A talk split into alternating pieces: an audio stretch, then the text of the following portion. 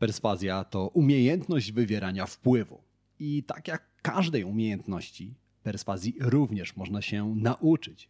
W tej serii odcinków podcastu Marketing z Głową rozmawiamy właśnie o perswazji, a dokładnie o pięciu filarach perswazji. Dziś pora na drugi filar, czyli na własność. Zaczynajmy. To jest podcast Marketing z Głową. Źródło wiedzy dla przedsiębiorców, handlowców i marketerów, czyli dla osób, które chcą sprzedawać lepiej i chcą sprzedawać więcej. Zaprasza Łukasz Chodorowicz. Zanim zaczniemy, pamiętaj, że więcej informacji o tym, jak zrozumieć klienta, jak robić lepszy marketing i jak więcej sprzedawać, znajdziesz w moich newsletterach. Tak, są dwa. Jeden darmowy, drugi płatny. Linki do obu znajdziesz w opisie tego odcinka podcastu. Zerknij, poczytaj i dołącz do tysięcy przedsiębiorców, marketerów i handlowców, którzy co tydzień dostają zastrzyk wiedzy, dzięki której ich firmy rosną jak na drożdżach. Witam Cię w 38 odcinku podcastu Marketing z Głową. W tym podcaście nic się nie zmieniło. Nadal zaglądamy do głów Twoich klientów i szukamy odpowiedzi na pytanie, jak klienci kupują, czyli jak klienci podejmują decyzję o zakupie. Dlaczego to robimy? Dlaczego tak bardzo nas to interesuje? No bo chcemy robić jeszcze lepszy marketing i chcemy pomóc Ci sprzedawać więcej produktów i usług. Ten podcast nagrywam dla osób takich jak Ty, dla marketerów, dla handlowców i dla przedsiębiorców, czyli dla osób, które chcą sprzedawać więcej i chcą sprzedawać lepiej. Wiedza, którą dzielę się z Tobą, pochodzi z badań na temat psychologii, marketingu oraz dziesięcioletniego doświadczenia w pracy z firmami takimi jak Twoje. Reporterzy portalu Business Insider przeprowadzili eksperyment społeczny wśród mieszkańców Nowego Jorku.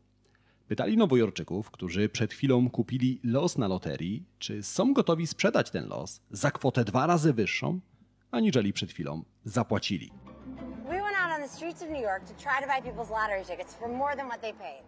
Z logicznego punktu widzenia każdy powinien zgodzić się na taką transakcję. W końcu szanse na zwycięstwo w loterii są raczej niewielkie.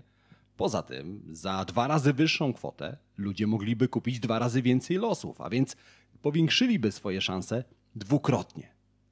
A jednak wszyscy przechodnie rezygnują z transakcji. Nikt nie zgadza się sprzedać los za kwotę dwa razy wyższą. how much did you spend on it? Could I buy it from you for two dollars?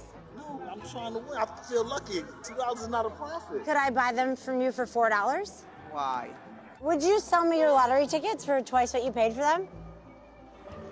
No. Would you let me buy it from you for twenty-four? No. Can I buy it from you for two dollars? No. Why not? It, it might be my luck.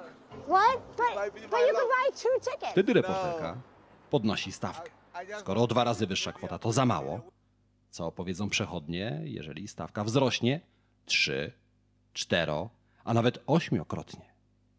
Jednak i tym razem 78% ludzi odmawia. I offered to buy people's lottery tickets for multiples of what they paid, usually starting with two times what they paid, but going as high as eight times.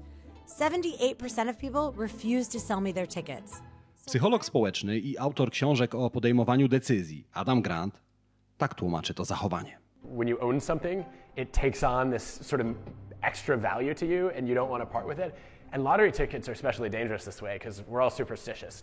And imagine that, you know, what, I paid a dollar for my lottery ticket, you want to buy it for $2. I know it's a small chance, but I will regret it for the rest of my life if, my, if I sell my billion dollar lottery ticket to you for $2.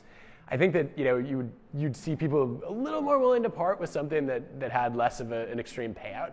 But even then, when, when people, you know, own something, even if they didn't choose it, if it's given to them, uh, they, they start to become attached to it and they're a little bit more reluctant to let it go. Okazuje się, że ludzie bardziej cenią rzeczy, które posiadają. Chociaż obiektywna wartość losu nigdy nie zmienia się, kawałek papieru nadal wart jest dolara, to w momencie, w którym ląduje w kieszeni nowego właściciela, właściciel inaczej postrzega jego wartość. W psychologii to zjawisko nazywa się efektem własności. O tym, jak silny jest efekt własności i jak bardzo wpływa na ludzi, przekonał się Dan Ariely. Dan Ariely przeprowadził eksperyment wśród fanów koszykówki. Jedna grupa badanych, nazwijmy ich szczęściarzami, dostali za darmo wejściówki na prestiżowy mecz lokalnej drużyny. Druga, mniej szczęśliwa grupa takich biletów nie dostała. Mogli jednak odkupić bilety od szczęściarzy. Warunek był taki, że członkowie obu grup dogadają się co do ceny.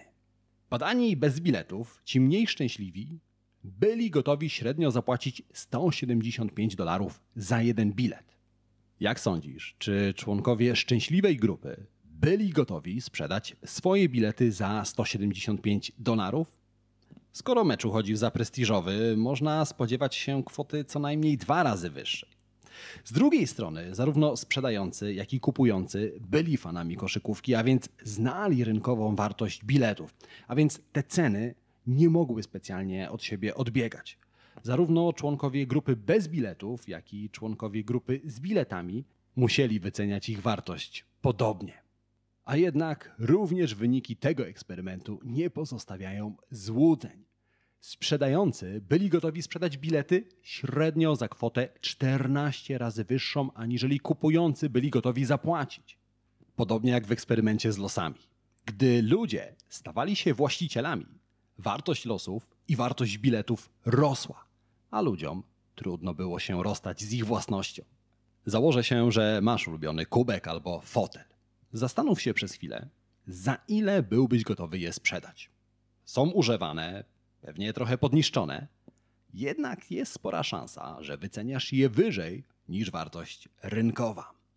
To właśnie siła efektu własności. A skoro efekt własności ma tak duży wpływ na ludzi, warto zastanowić się, jak można wykorzystać go w perswazji. Najpierw musisz coś klientowi dać. Coś, co stanie się całkowicie jego, jego własne. Operatorzy telewizyjni z taką łatwością dają klientom drogie pakiety na 3 miesiące całkowicie za darmo, ponieważ wiedzą, że z każdym dniem, każdym tygodniem, każdym miesiącem taki pakiet staje się bardziej twój. I gdy mija okres promocyjny, trudno z pakietu zrezygnować. Z tego samego powodu sprzedawcy nie mają problemów z promocjami typu 100% satysfakcji albo całkowity zwrot pieniędzy. Wiedzą, że zwrot pieniędzy wiąże się ze zwrotem towaru, a do tego raczej nie dojdzie. Weźmy taki przykład z życia. Kupujesz buty. Na stronie internetowej buty wyglądają cudownie, pięknie prezentują się na nodze modelki. Co prawda kosztują tyle, że przez kolejne miesiące musisz polubić owsiankę, ale co tam, nic nie ryzykujesz. Możesz w ciągu trzech miesięcy zwrócić buty całkowicie za darmo, bez zbędnych pytań. Kupujesz. Po dwóch dniach dzwoni kurier. Rozpakowujesz buty i okazuje się, że na tej modelce to buty wyglądały odrobinę lepiej niż na tobie. I finansowa intuicja podpowiada ci, że nie są warte swojej ceny. Jednak już je masz. Są twoje. Tylko twoje. I ostatecznie ta owsianka nie jest aż taka niedobra. Buty zostają. Jednak okazuje się, że efekt własności działa, nawet jeśli klient nie jest jeszcze właścicielem produktu.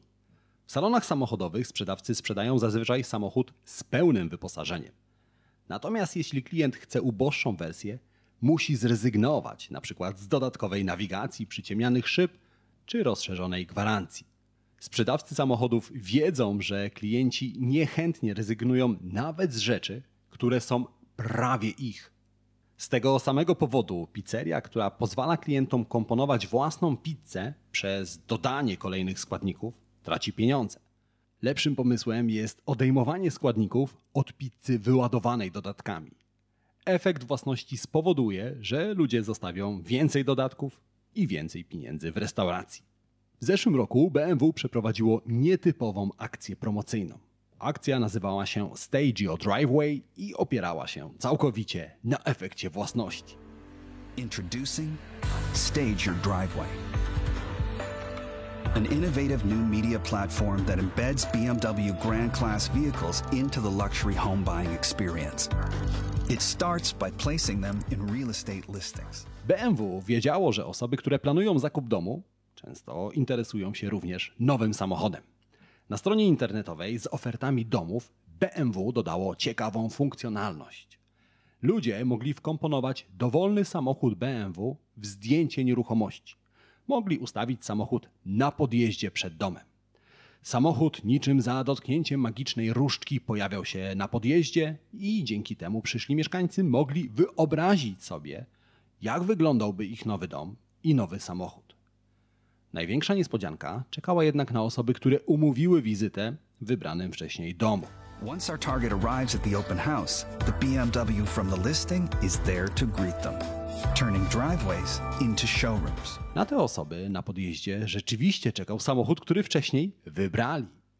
Wyobraź sobie, wchodzisz do domu, który za moment może stać się twoim wymarzonym domem, a na podjeździe stoi nowiutkie, czarne, lśniące BMW. Czy miałbyś serce z tego zrezygnować? Wiele osób nie miało. Z kolei szwajcarska marka zegarków Tissot pozwoliła klientom sprawdzić, jak zegarki wyglądałyby na ich nadgarstkach. Tissot w witrynach sklepowych ustawił telewizory i specjalne kamery 3D. Klienci mogli przejrzeć się w telewizorach niczym w lustrze. Przy czym specjalny program komputerowy zamieniał obraz. Umieszczał na nadgarstku klienta wybrany wcześniej zegarek. Dzięki temu klienci stawali się trochę bardziej właścicielami nie do końca wirtualnych przedmiotów. A jeżeli byłeś kiedykolwiek w salonie Apple'a w iStore, to wiesz, że możesz tam dowoli oglądać wybrany sprzęt. Możesz konfigurować opcje iPhone'a, możesz instalować aplikacje na iPadzie. Nikt nigdy nie wyrzucił nikogo z salonu Apple'a za to, że zbyt długo oglądał iPhone'a.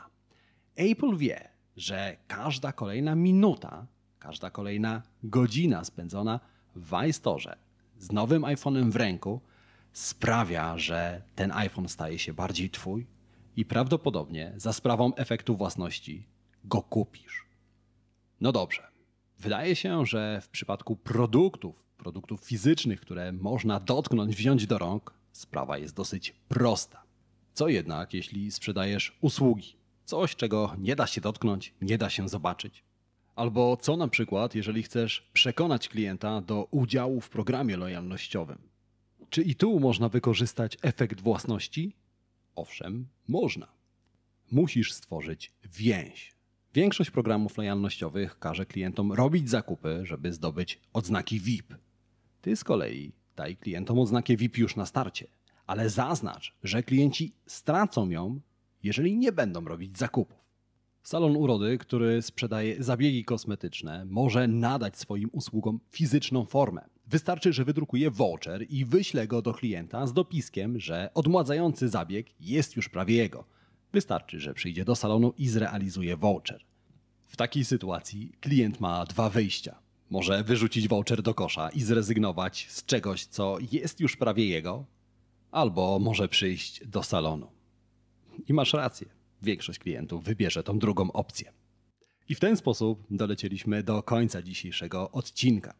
Trzy rzeczy, które chciałbym, żebyś zapamiętał, zapamiętała, zanim się rozstaniemy. Po pierwsze, pamiętaj o tym, że drugi filar perswazji nazywa się efektem własności. Ludzie bardziej cenią rzeczy, które już posiadają.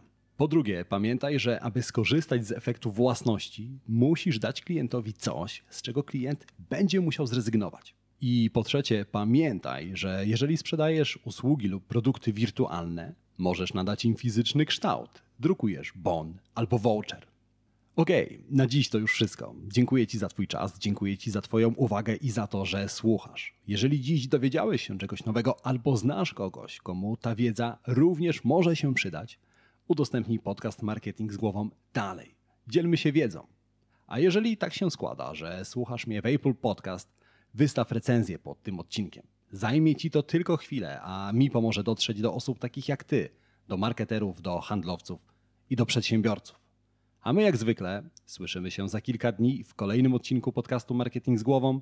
Tymczasem życzę Ci udanego dnia, kapitalnego tygodnia, wszystkiego dobrego, do usłyszenia, do zobaczenia. Cześć.